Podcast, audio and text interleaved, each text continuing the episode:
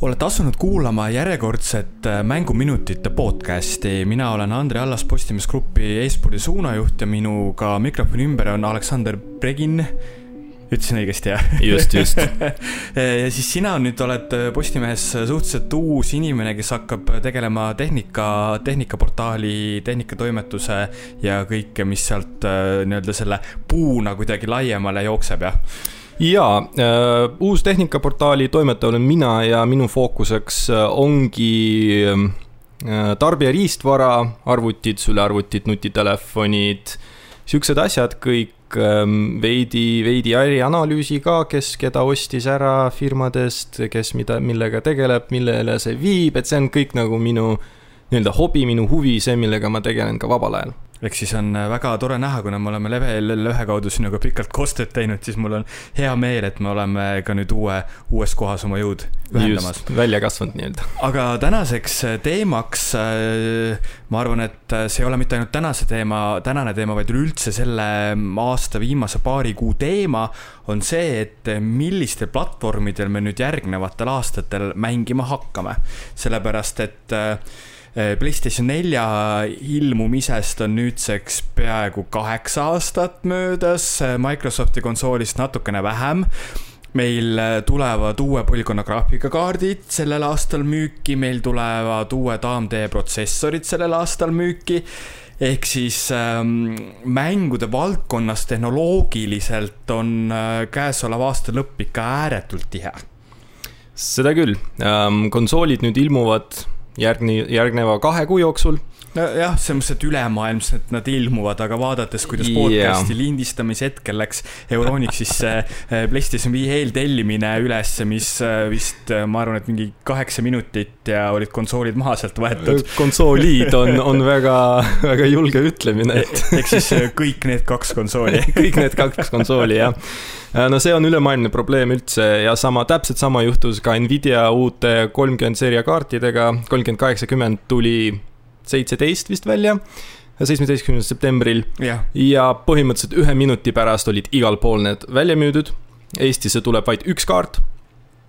hetkel, hetkese tundub, seisuga hetkese seisuga jah, mis on arvatavasti samuti juba ära broneeritud. nii et ähm, kuigi, kuigi tehnoloogiliselt nagu Taiwanis, kus tehakse neid kiipe ja kõike, see saadavus on väga hea.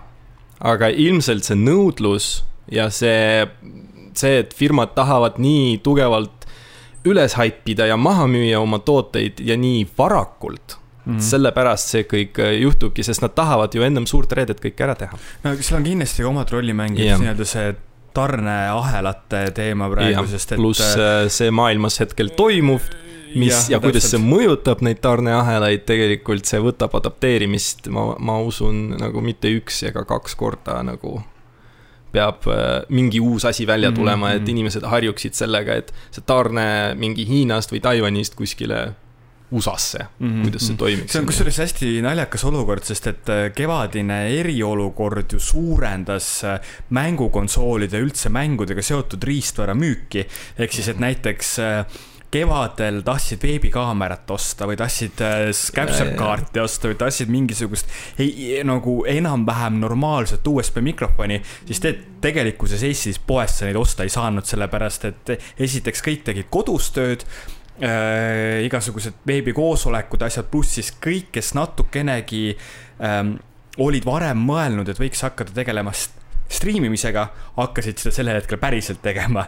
ehk siis, et ka nagu Eesti kontekstis me nägime striimerite kasvu mis oli ikka, ikka päris, päris meeletu, meeletu ja kuulsin Euronixi kaudu, et ka konsoole müüdi tollel hetkel äh, päris palju rohkem. no suurimaks näiteks on Nintendo Switch, kes vist, kui ma ei eksi, siiamaani võitleb äh, saadavuse probleemidega ja, ja, ja, ja isegi mul sõbrad, kes, äh, kes ei olnud kunagi mängurid olnud. Ähm, kui kõik mäletavad, siis äh, kriisiolukord algas märtsi keskel või nii-öelda alguse lõpus ja siis tuli välja ka Animal Crossing, mis, äh, mis on Nintendo, kui ma ei eksi, üks müüdumaid mänge nüüd. Nintendo Switchi mängu. Switchi mängu jah ja. ja noh, see oli üks ka katalüsaatoritest, mis seda Switchi konsooli iseennast ka nagu ähm, lükkas inimesi seda ostma Mhm, rohkem ja mhm. rohkem ja ja konsoole ka ja telerid ja monitorid ja arvutijupid ja, ja nüüd on seda ka tunda tegelikult, sest toiteplokke näiteks kindlates riikides on väga raske osta, sest kõik on ära müüdud ja neid on raske transportida ka jällegi mm -hmm. selle tarneahela tagasi tulles, et toiteplokid ja korpused on siuksed asjad, noh, võtavad palju ruumi, rasked, aga samas see kasu, mis nende pealt teenitakse, ole nii suur ja see kõik mõjutab seda saadavust. ja samas nad on ka ääretult vajalikud, sest Oi, et kindlasti, katsusin ma toiteplokit arvutit kokku omale panna jah, natuke ega ise raske. tinutama seal ei hakka, on ju. täpselt, aga see, selle aasta novembris siis eh, kaks suurt konsoolimaailma tegijat tulevad oma kauaoodatud uute konsoolidega välja. mõlemal on neid eh, kaks tükki üks on siis äh, plaadilugejaga versioon ja teine on plaadilugejata versioon. ja ma arvan, et me võiksime kõigepealt rääkida Microsofti Xbox Series X nimelisest konsoolist mm. -hmm. selle hinnaks saab olema nelisada üheksakümmend üheksa eurot just. ähm,. ta andmete järgi on natukene võimsam kui Playstation viis. no nagu on küll ähm,. Xbox Series X-i eripära on see, et seal on rohkem graafikatuumasid Mm -hmm. graafikakiibis, aga nad on madalama ähm, klokiga. Playstationis on neid vähem ikkagi, ma ütleks, mingi kolmekümne, neljakümne protsendi võrra, aga nad on palju-palju kiiremad mm. -hmm. see klokk on seal väga palju suurem. sellepärast nad nagu paberi peal tunduvad, need numbrid palju erinevad, kuigi reaalsuses nad hakkavad, no mingi võib-olla kümme protsenti maksimum tuleb see erinevus mängudes. aga arvutimängude puhul ma tean seda, et tegelikkuses protsessori puhul äh, vähem tuumasid, aga suurem tuumakiirus on tunduvalt olulisem. Um, see see oli nii see oli nii neli-kolm aastat tagasi küll. okay., nüüd hakkab see juba järele jõudma, eriti arvestades seda, et äh, noh, kui populaarseks on muutumas Ryzen, AMD, AMD Ryzen protsessorid, kus äh, kaheksa tuuma kuusteist lõimet on sihuke noh, tavaline on ju, kuus kaksteist on, on juba noh, tänapäeva arvutite ehitades kuus tuuma kaksteist lõimet on, on sihuke minimaalne tuumade arv, mida, mida võik- võiks võtta. Ja, ja kuigi Intelil on ikka i3-d on nüüd nelja tuuma kaheksa lõimega, siis mõnedes mängudes on seda juba vähe, isegi kui ta on viie gigahertsi juures. kui me räägime kuus tuuma kuus lõimet ehk siis ilma hyperthreading uta, siis, siis see on nii-öelda see minimaalne, millega saaks hakkama.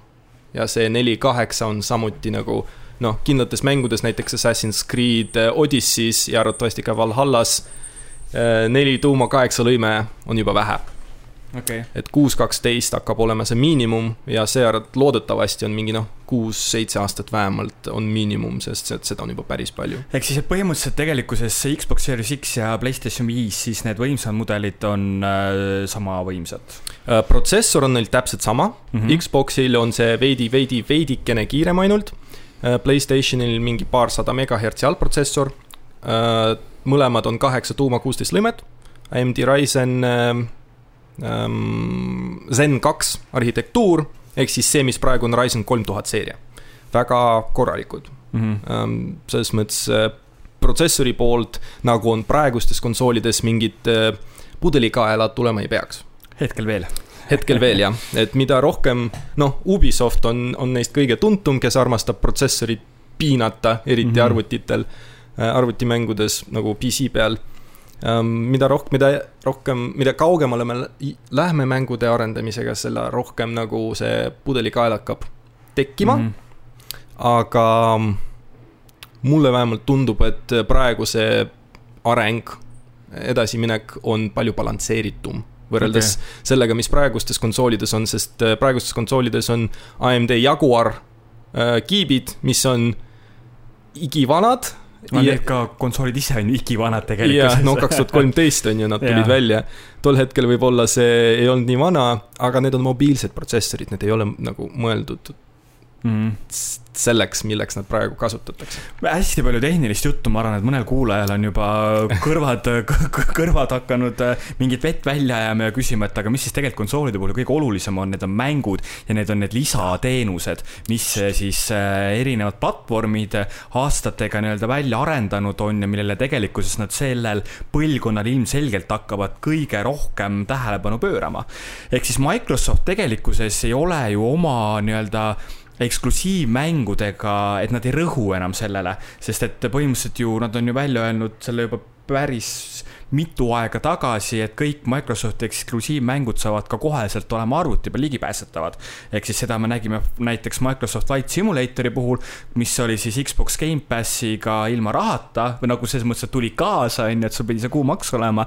ja, ja sellest ju sai Xbox Gamepassi kõige kas me, siis kõige, kõige populaarsem mäng üldse, et ka mina olin see, kes tegi väga ühesõnaga, ma natuke hiljem saan sellest täpsemalt rääkida, aga tegi läbi selle väga keerulise protsessi, et arvutil oh, Xbox Gamepass tööle saada. Eestis ei ole see nii lihtne aga mis, mis lisandväärtusi veel Microsoft enda konsooliga kaasa toob? no eelkõige Microsofti konsool, noh, kui sa oled Halo fänn, siis ega sa ei lähe Playstationi juurde. Halo Infinite tuleb kunagi välja, et see on üks, üks asi, teine on muidugi kõige tugevam pluss Xbox'i puhul on see, et Gamepass. Xbox Gamepass, praegu on neil kolm põhilist nii-öelda taset. on Xbox Gamepass Ultimate, mis on viisteist dollarit, noh, eurot siis äh, kuus. see on Xbox Online ehk siis, ehk siis Gold. Äh, see on Xbox Gamepass nii arvutile kui ka konsoolile ja see on X-Cloud ka mm. -hmm ehk siis X-Cloud on see, et sa saad äh, mobiili peal äh, Just. mängida Xbox'i konsoolile ja, või arvutile mõeldud mänge. põhimõtteliselt Gamepassi mängud oma telefoni peal yeah,. Yeah. üliüliäge ja loodetavasti kunagi on see X-Cloudi kasutamise protsess Eestis ka lihtsut-, lihtsustatud, sest praegu, kui ma ei eksi ametlikult legaalselt seda nagu kasutada meil ei saa. seal ongi see, et kui muidu ikka game, ühesõnaga ma räägin siis siin oma selle Gamepassi arvuti juttu ära. mul läks selle aktiveerimisega, ma arvan, et umbes neli tundi aega.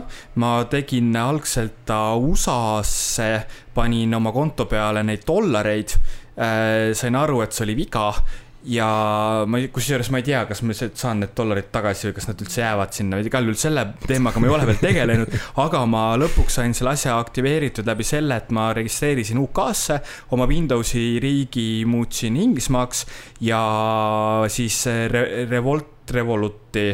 no mingit äh, nii-öelda internet, noh rahvusvahelist äh, pangalaadset kaarti, mis ei ole seotud kindla riigiga, näiteks Revolut või TransferWise või, või midagi sihukest, et seda saab kasutada. Äh, suht lihtne on ja noh, mina kasutan ka äh, täpselt sama lähenemist, et mina olen ka UK-s registreeritud, seal sa säästad, noh, võrreldes teise Euroopa te,, teiste Euroopa riikidega ikka paar eurot säästad, kuna see on neli Äh, naela mm, -hmm. mitte viis eurot kusjuures ta veel on, sest tegelikult äh, arvuti Gamepass äh, nüüd aasta lõpus tõstetakse hinda, et ma sain vist aru, et kaheksa üheksakümne üheksa peale.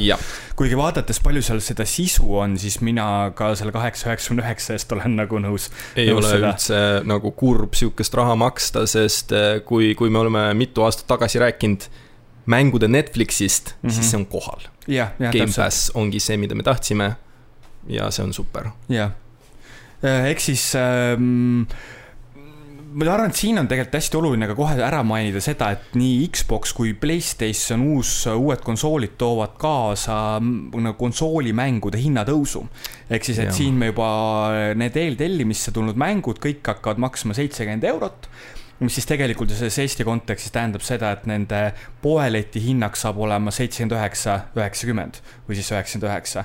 Euronix küll ütles selle välja, et nende käest eeltellides mängude hind on kümme protsenti soodsam, ehk siis mängu hinnaks jääb seitsekümmend üks eurot. aga mm, olgem ausad, kui su konsooli enda hind on nelisada üheksakümmend üheksa, näiteks noh okei okay,, selle füüsilise versiooni puhul sa ikkagi tahad, et sul mingid mängud füüsilised oleksid, sa maksad selle vahe väga kiiresti täis. ja see on ka minu meelest vist äkki üks peamisi põhjuseid, miks nende uute konsoolide hinnad tulid sellised, nagu nad tulid. sest et tegelikkuses ma arvan, ma ei ole ainus, kes arvas, et nad hakkavad rohkem maksma. oi, kindlasti. see sisu, mis, mis seal sees on, kui me räägime Xbox Series X-ist ja Microsoft on seda varem ka maininud, et äh, see võimsus on võrreldav praegu RTX kakskümmend kaheksakümmend superkaardiga, mis suudab, noh, mis on teine kõige võimsam kaart kaks tuhat seerias, kui me räägime kolmkümmend seerias, siis see on juba noh, sihuke kesk, keskklassi kaart. aga noh, kakskümmend, kaheksakümmend super maksab aina ise rohkem kui terve konsool, on ju. ja, ja kõik ootasid, okei okay,, kuus-seitsesada eurot Series X-i eest, see oleks nagu normaalne. Aga nagu ka varem, kõik need madalad hinda, hinnad subsideeritakse siis mängude tasudega. ja kui me räägime digitaalsetest mängudest, siis isegi kui näiteks Ubisoft müüb noh, jällegi Ubisoft, võtame, Rockstar müüb uue GTA viie versiooni mm -hmm. uutel konsoolidel, äh, siis äh, Microsoft võtab läbi enda poodi müüdud mängu eest kolmkümmend protsenti endale.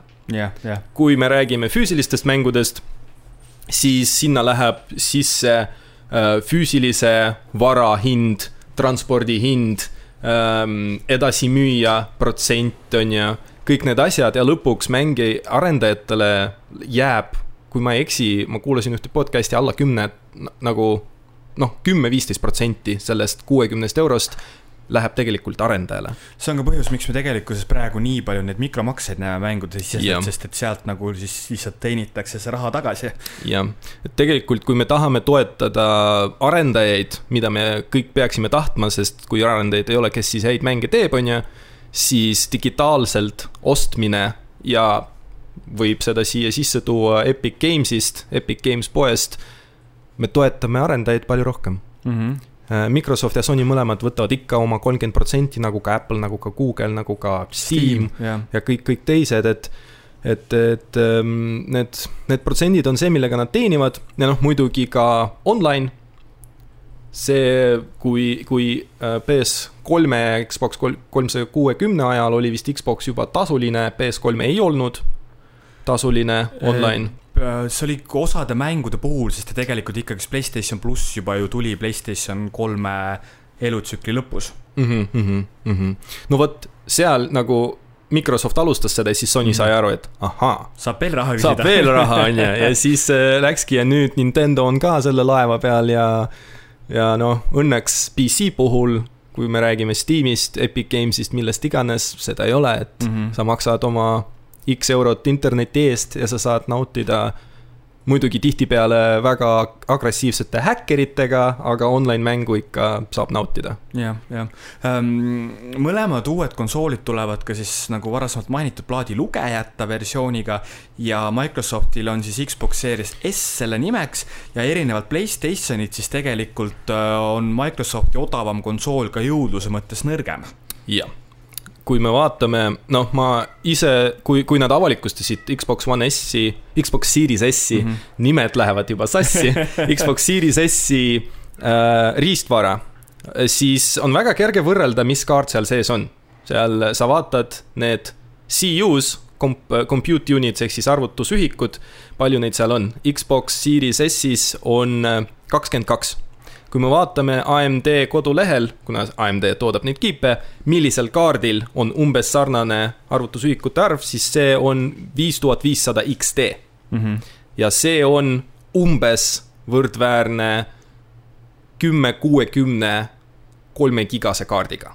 okei okay. selle kaardiga sa saad mängida enamus tänapäevased äh, mänge full HD-s, aga kindlasti mitte max, max äh, sätetel mm. -hmm. ja noh, kuskil kolmekümne, kuuekümne kaadri sagedusega mm. -hmm. ja Xbox Series S võrreldes siis Playstation viie digitaalversiooniga tuleb ikka märgatavalt nõrgem, see jääb oma võimsuse poolest kuskil Xbox One S-i ja Xbox One X-i vahele. kuulajad nüüd saavad täiesti aru, miks me need nimed sassi lähevad, sest et see on nagu. X-id ja One'id ja Seriesid ja S-id ja, ja kõik, kõik need asjad jah. et, et äh, aga noh, kui, kui, kui, kui nüüd te mõtlete rahast, on ju Xbox Series S on kolmsada eurot.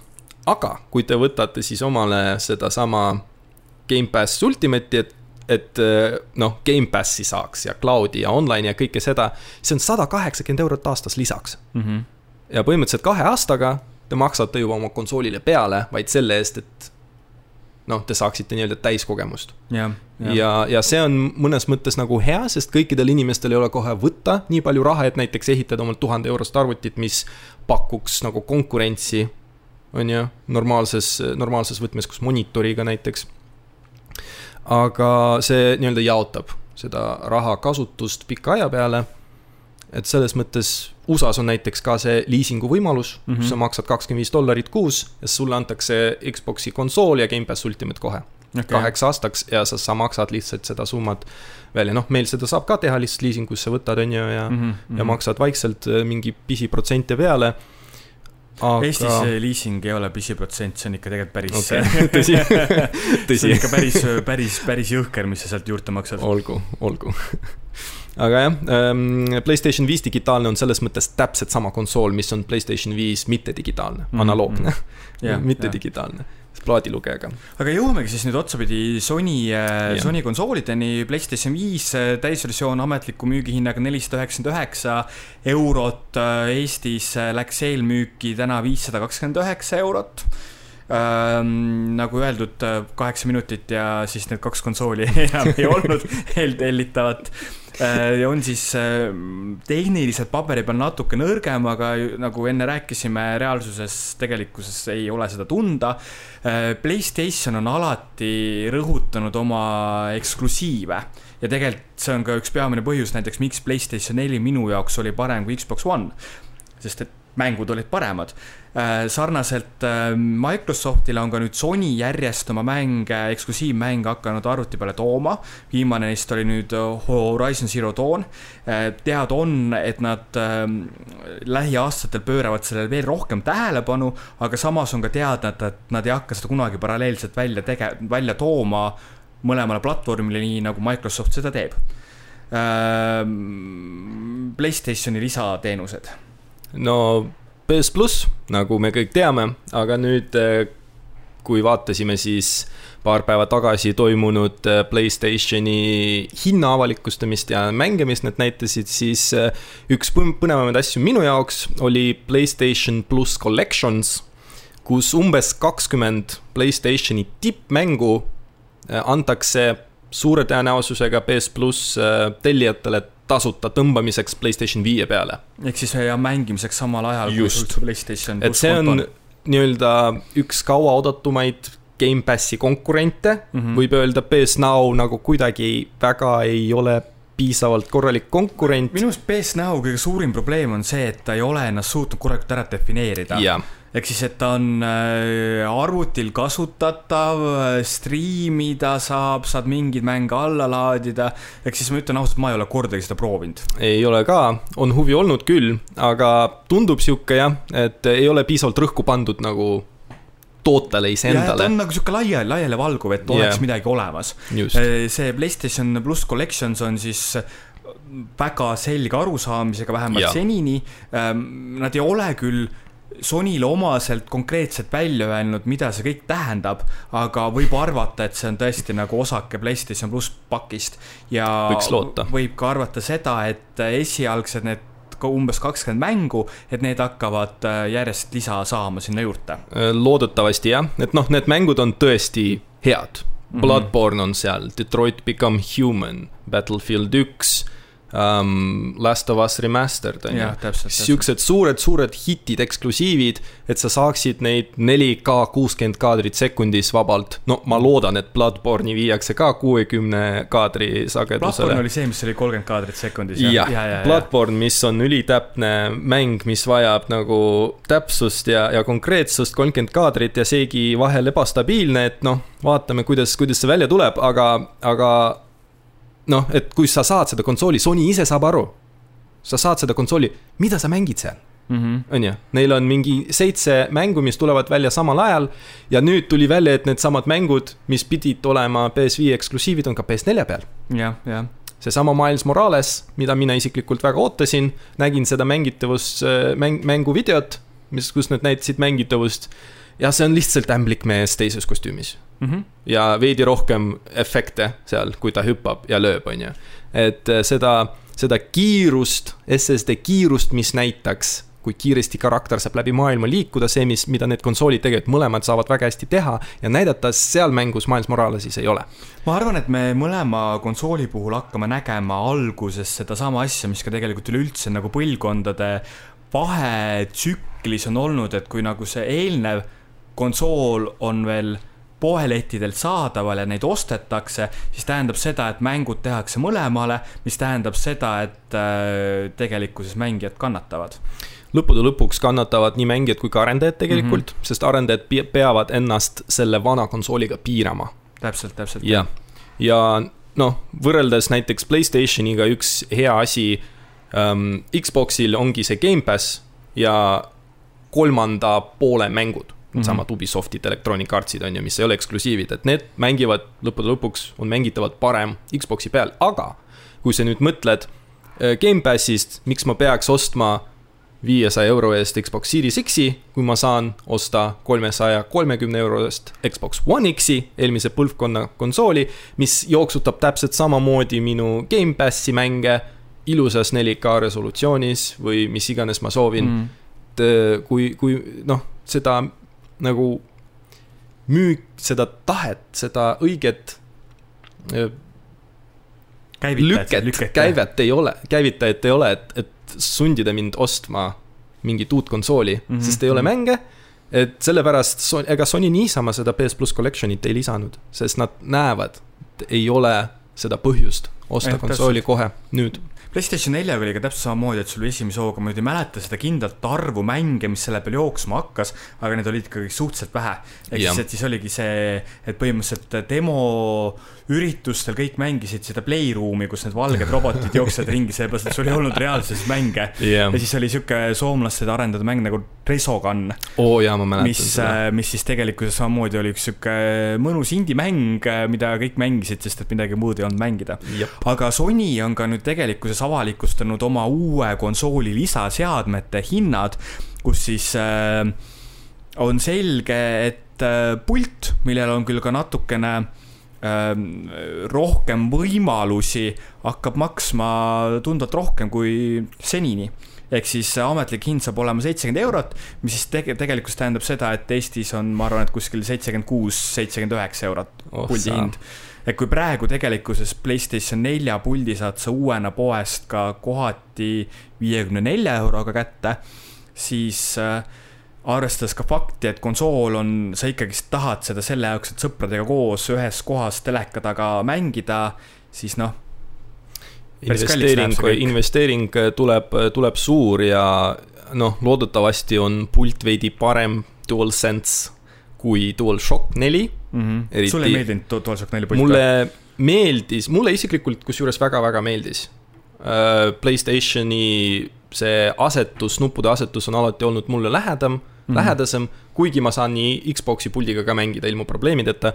aga akuiga mm, -hmm. see, kui kaua ta akut hoidis, mina ise eelistan ka liitiumakusid äh, patareidele aga ta ei hoidnud üldse kaua ja kui sa kasutasid seda neli-viis aastat, on ju, regulaarselt mm, -hmm. siis äh, kõige parem aeg on hakata õppima, kuidas pulti lahti teha, sest sa pead seda akut välja vahetama hakkama, et. kas seda üldse on võimalik ise vahetada akut okay.? jaa, äh, on võimalik ja e-base'ist ja Aliekspressist isegi saab osta aku laiendajaid teeb äh, pulti siukseks kohmakamaks ja suuremaks okay., aga ta hoiab akut mingi kaks-kolm korda rohkem okay.. ja Sony on ise ka öelnud, et okei okay,, see aku tuleb parem, hoiab kauem ja noh, see super äh, haptiline tagasiside ja haptilised need trigger'id ja kõik need asjad, mis nad lisasid sinna puldi sisse, see tundub üliäge.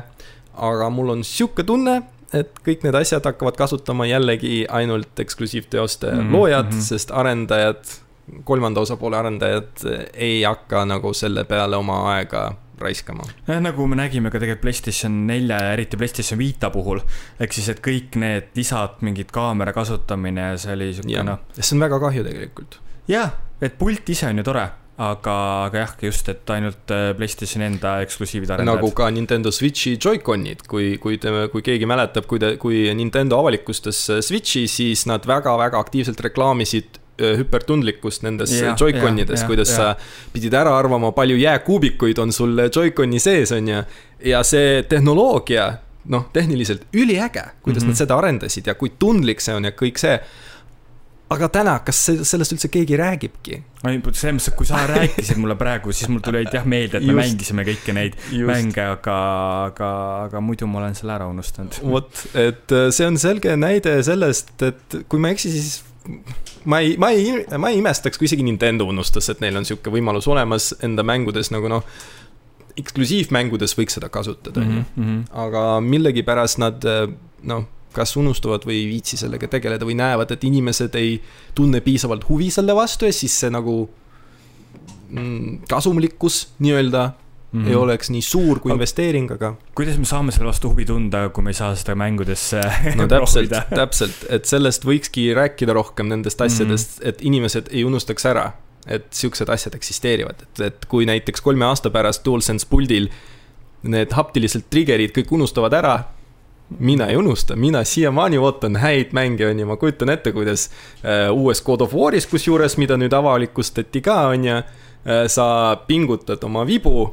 ja siis sa tunned selle trigger'iga, kui, kui pinges ta on. okei okay., et see on see haptiline tagasiside, mida nad püüavad luua ja see tundub üliäge, et mm -hmm. kui, kui ainult inimesed, arendajad ja ka mängurid sellest räägiks rohkem ja ei unustaks neid asju, siis ma arvan, et, et see areng ei peatuks ja ei ununeks nii kiiresti.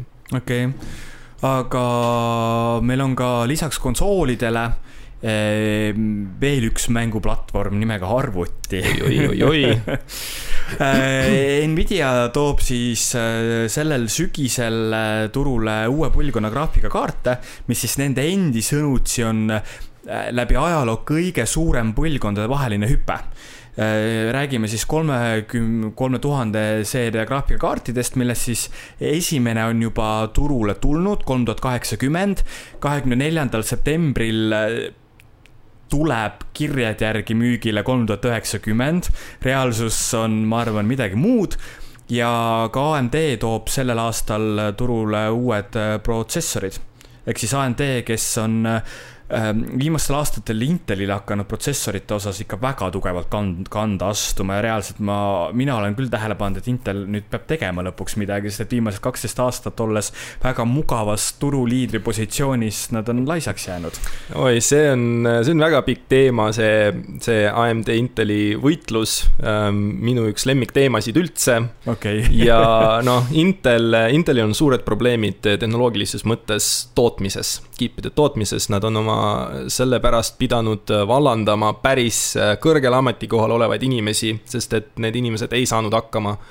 ja noh, seal on üldse päris suured probleemid tegelikult, nagu okay. liidrite tipus, kes seal üleval on. sellest, sellest võime mõni teine äh, mõni teinekord jah aga üldiselt AMD toob mitte ainult protsessoreid välja, vaid ka natukene konkurentsi Nvidiale et tegelikult me ei tea, mida nad täpselt veel toovad, praegu mm -hmm. lekkisid vaid kaardi disain mis tundub üliäge, kolme suure ventilaatoriga, kolmeslotine kaart, väga paks radiaator.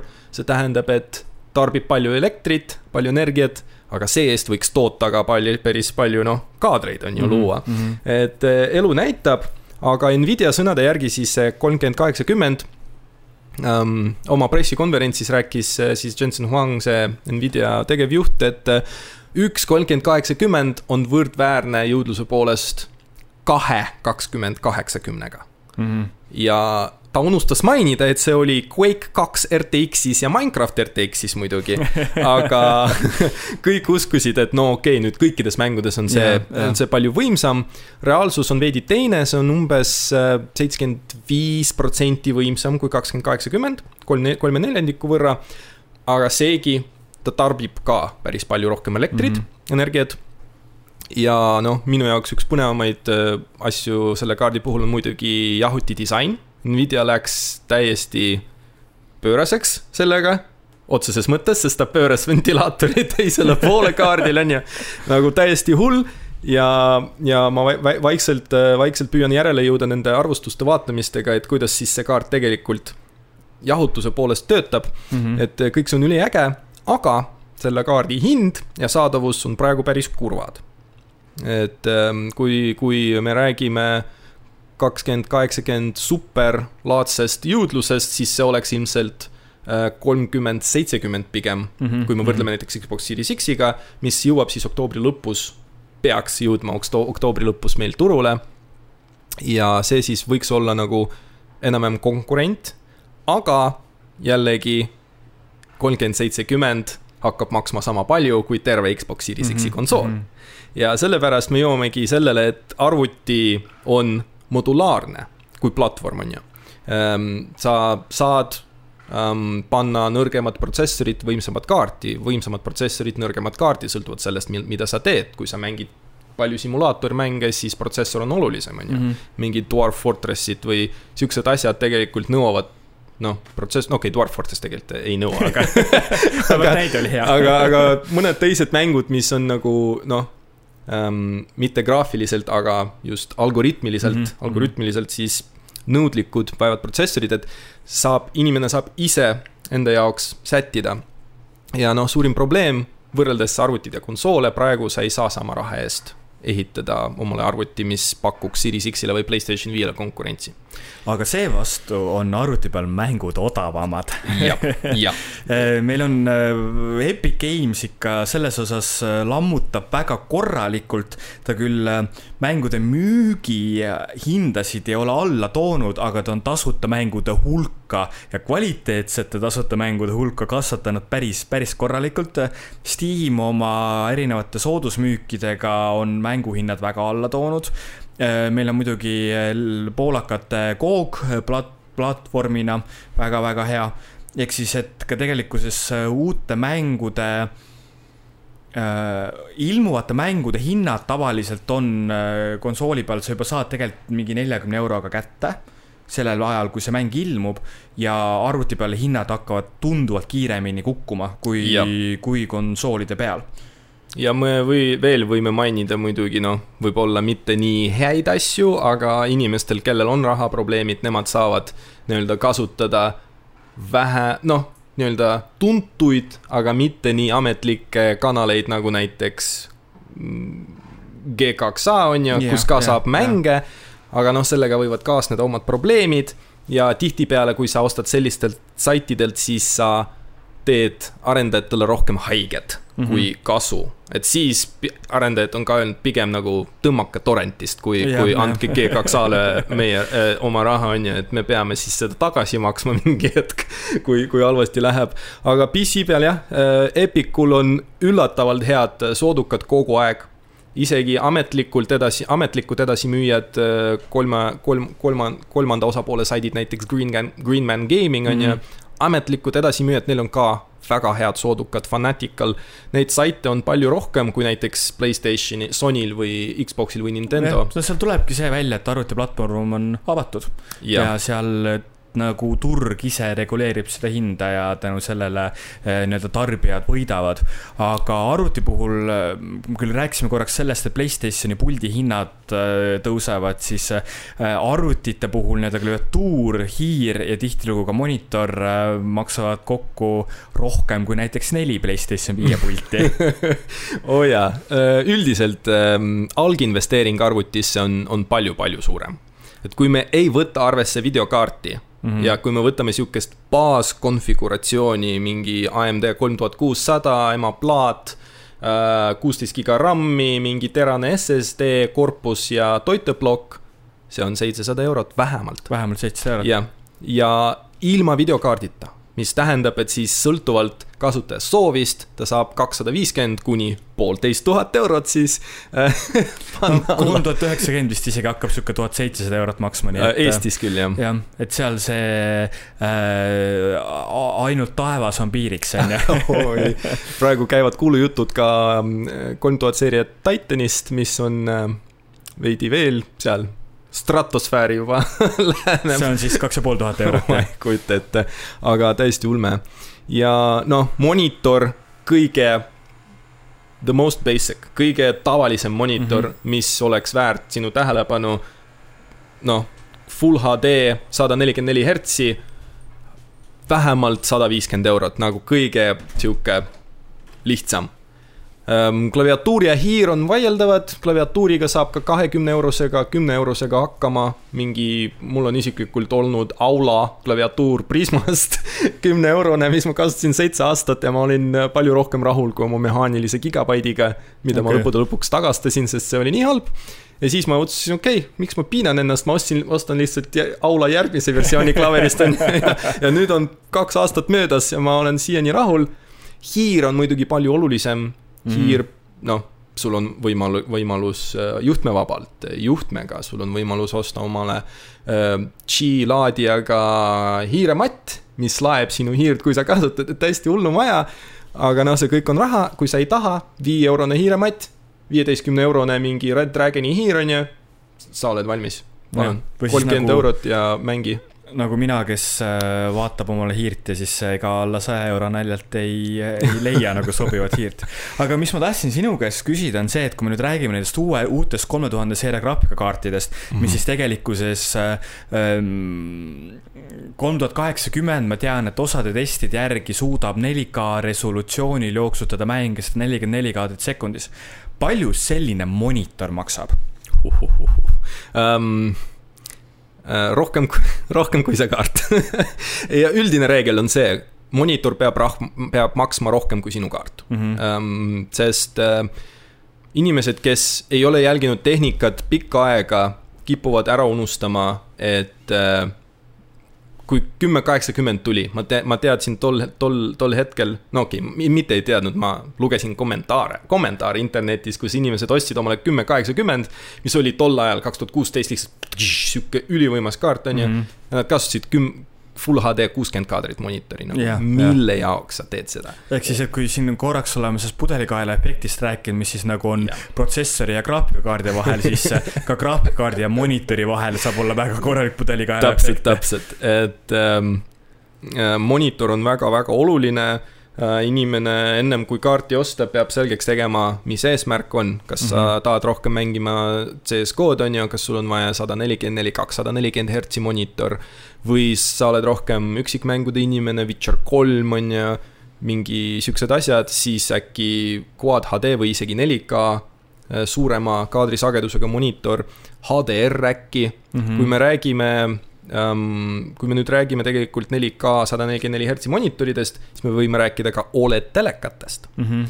näiteks LG C ja B seeria, on ju C9, B9 ja nüüd ka CX ja BX, mis, mis see aasta välja tulid. Neil on HDMI kaks punkt üks tugi ja nad toetavad 4K sada kakskümmend hertsi see on siis põhimõtteliselt need, just nende uute konsoolide jaoks äh, Täpselt toodud turule telekad. HDMI kaks punkt üks on ka RTX kolmkümmend seeria kaartidel mm. -hmm. seal on loomulik äh, adaptiivne kaadri sünkroonimine, mis tähendab, et sul ei ole enam ekraani rebimist, mingit äh, noh, kaadrite kokutamist, midagi sihukest, kõik on ülisujuv um,. konsoolidel on ka nüüd see tugi ja tihtipeale see, see, see telekas viiekümne viie tolline maksab vähem kui sinu 4K sada nelikümmend neli kolmekümne kahene monitor, on ju. Mhm, aga me ikkagist ju räägime sihukesest tuhandest, kahe tuhandest eurost. ma ise aasta alguses käisin Las Vegases CS-il ja seal ma sain äh, ühte LG 4K sada kakskümmend hertsi teleka taga mängida kontrolli ja mind küll ei pidanud sealt füüsiliselt selle eest ära tõmbama, aga põhimõtteliselt ega palju puudu ei olnud. sest et see on nagu mina, kes ei mängi äh, sellise kiire reaktsioonile rõhuvaid mänge, siis äh, see im-, immersion inglise keeles ehk siis sihuke sissetõmbamine või see, et kui, kui nagu. sukeldunud sa oled maailma ja, ja, sisse. täpselt, täpselt, ehk siis, et äh, mina mänguarendajana tahaks küll, et minu mänge mängitakse ainult sihukese ekraani peal sest et see on väga-väga ilus. Äh, noh, ja veel üks oluline asi tegelikult, äh, kui me räägime 4K sada nelikümmend neli hertsi monitoridest, siis need ei ole Oled. ja isegi parimad monitorid on ikkagi, nende ekraan on jaotatud nii-öelda aladeks. Ähm, noh, kolmsada, mõnikord tuhat sihukest pisi-pisi ala, äh, mida saab sisse-välja lülitada ja mm -hmm. niimoodi nad saavutavad seda HDR efekti, et kui sul on must pilt, siis see piirkond monitoris on välja lülitatud mm. -hmm. Oledil see on piksli kaupa, kui me räägime noh, neli tuhat korda kolm tuhat on ju. Äh, Oledil on piksli kaupa, aga kui sinu monitoril on tuhat sihukest ala ja 4K telekal on kui palju piksleid, et ähm, palju? oled, oled kui, kui on üldse võimalik, ma soovitaks vaadata Oledi teleka poole kui 4K sada nelikümmend neli hertsi monitori poole mm. -hmm. no mina ise olen nüüd äh, selle aasta alguses kasutanud äh, LG Nano IPS ähm, tuhat nelisada nelikümmend B kõrgusega ultrawide monitori, mis on kaheksakümne hertsine mm. ja mm, mäletan, mul vahepeal oli masinas kaks tuhat kaheksakümmend supergraafikakaart, mis praegu on sihuke kaheksasada eurot kukub ja. korralikult, siis äh, väga paljudel mängudel jäi see graafikakaart jänni selle monitoriga. jah, see monitor on mingi kümme-viisteist protsenti väiksema piksli arvuga kui 4K yeah.. nii et kui sa tahad 4K kuuskümmend mängida, siis see moni-, noh, äh, see monitor vajaks ikka kümme kaheksakümmend Ti-d või siis praegu juba seitsmesaja eurost, noh, kaheksasaja eurost kolmkümmend, kaheksakümmend. see saaks, ma usun, sihuke Quad HD ultrawide'iga väga-väga ilusti mm -hmm. hakkama. ja saaks veel äh, kõik mängud austuses mänguarendajate vastu maksimumgraafika peale panna. ja siis noh, kontrolli puhul näiteks ka üliilusat RTX-i sisse lülitada, et mina, mina kui AMD Radeoni kasutaja praegu, ma olen natukene kade, sest äh, see kontrolli ma mängin ja see on üks mu lemmikmänge viimase paari, paari aasta jooksul. ja ma väga-väga-väga tahaks äh, sinna see kiirtealitus sisse lülitada, aga ma ei saa. ma ütlen ausalt, äh, minu jaoks RTX on äh, seni olnud pigem reklaamlause yeah, kui midagi, millest sa tõesti mängides aru saad. sest et ütleme niimoodi, et mängu tempo esiteks peab olema selline, et sa suudad jälgida seda, et okei okay,, ma saan aru, et Minecraftis seal, sul on veel aega sellega tegeleda, aga kontroll juba mingisuguste võitlusmehaanikates ja asjades, et ta on nagu, ta on jah, ta on tore, aga lõpuks ikkagi nagu mängudest või nagu mängimisest rääkides on kõige olulisemad mängud ise. mängitavus. jah, kui see on hea, siis, äh, siis on kõik hea jah, no näiteks Fortnite'is äh, ega sa ei hakka seal Äh, ma ei tea, kuskil jõe-sees vaatama peegeldust äh, mingi autost või midagi. täpselt, täpselt, sul ei ole aegagi selle jaoks, on ju. pigem jää, tahad ellu jääda. kaheksa või kümneaastased sind ära tapavad, on ju. just, just. aga võtame nüüd siit siis kokku. Äh, kuidas sina nüüd selle aasta lõpus ideaalses maailmas, kui tarneprobleeme ja rahaprobleeme ei oleks, milline oleks sinu see üks mänguplatvorm? no ma arvan, minu puhul on see päris lihtne, mina kui tehnikafriik ikkagi võimalusel ostaks äh, omale Nvidia kolmkümmend seeria kaarti. aga mina kui mängude armastaja, tegelikult ma ütlen aus, mina ostaks omale äh, Playstation viie, aga mitte praegu. sest praegu ma ei näe, et seal on piisavalt mänge. Äh, aga mis Playstation ja Xbox kusjuures toovad, ma veidike mainisin seda varem, on need SSD kiirused mm. -hmm. ja mm, ma väga tahaks näha, et arvutite peal miinimumsätete nõudlustes oleks ka SSD mingi hetk. Mm -hmm. siis, siis meil ei oleks neid olukordi, kus jällegi arendajad on piiratud viiskümmend megabaiti sekundis äh, kiirusega kõvaketaste puhul sest äh, kui sinu kõvaketas on viiskümmend megabaiti ja üheksa tuhat megabaiti PS5-l, on ju, mida sa saab maksimum äh, kokku surutud äh, andmetega, andmete puhul nagu edasi-tagasi saata ikka maa ja taevas mm,. Mm. ja, ja sellepärast nagu see, mis konsoolid praegu teevad, ma väga austan. see SSD-de värk ja, ja kõvakettad võiksid mängumaailmast üldiselt ära kaduda, sest see hoiab tegelikult arendajaid tagasi väga tugevalt. kõvakettadest võiksid jah, pigem nagu sihukeste piltide ja videofailide arhiveerimise jaoks jääda. aga, aga see, et sa igapäevases töös neid kasutad, noh, jah ja.. on, on asjad, mis tuleb jätta minevikku. jah, äh, noh, tegelikult, kui me räägime mängude iludusest, siis mõlemad konsoolid toevad, toetavad ka kiirtejälitust, mis tähendab, et AMD kuus tuhat seeria Radeoni kaardid ka toetavad kiirtejälitust, kuigi see on Microsofti nii-öelda DirectX põhine mm -hmm. kiirtejälitus ähm,, avatud nii-öelda võrreldes Nvidia omaga, mis on suletud ähm,. aga lihtsalt konsoolidel ei ole neid mänge, mida ma tahaks mängida praegu. no hetkel veel kindlasti jah ja.. et ja sellepärast, kui on võimalik teha see esialgne korralik investeering, on ju, tuhat, tuhat kakssada, kolmsada eurot, siis arvuti on hea. võib-olla mitte kolmkümmend kaheksakümmend, kolmkümmend seitsekümmend, ideaalne mm -hmm. kaart, Quad HD nelisada nelikümmend neli hertsi juures mängimiseks. sihuke monitor maksab viissada eurot, kaart viissada eurot tuhat eurot, sul on ideaalne mängukogemus mm. -hmm. lisaks veel sinna seitsesada eurot arvuti, tuhat seitsesada eurot, nagu kolm ja pool Xbox Series X-i on ju, aga sihuke setup äh, elab kauem, lõppude lõpuks, kui sa arvestad Xbox Goldi, Xbox Gamepassi, mängude kallidust mm, -hmm. siis lõppude lõpuks see esialgne investeering enam-vähem tasakaalustub, ma arvan mina näen ennast uue põlvkonna puhul ka pigem äh, arvuti taga.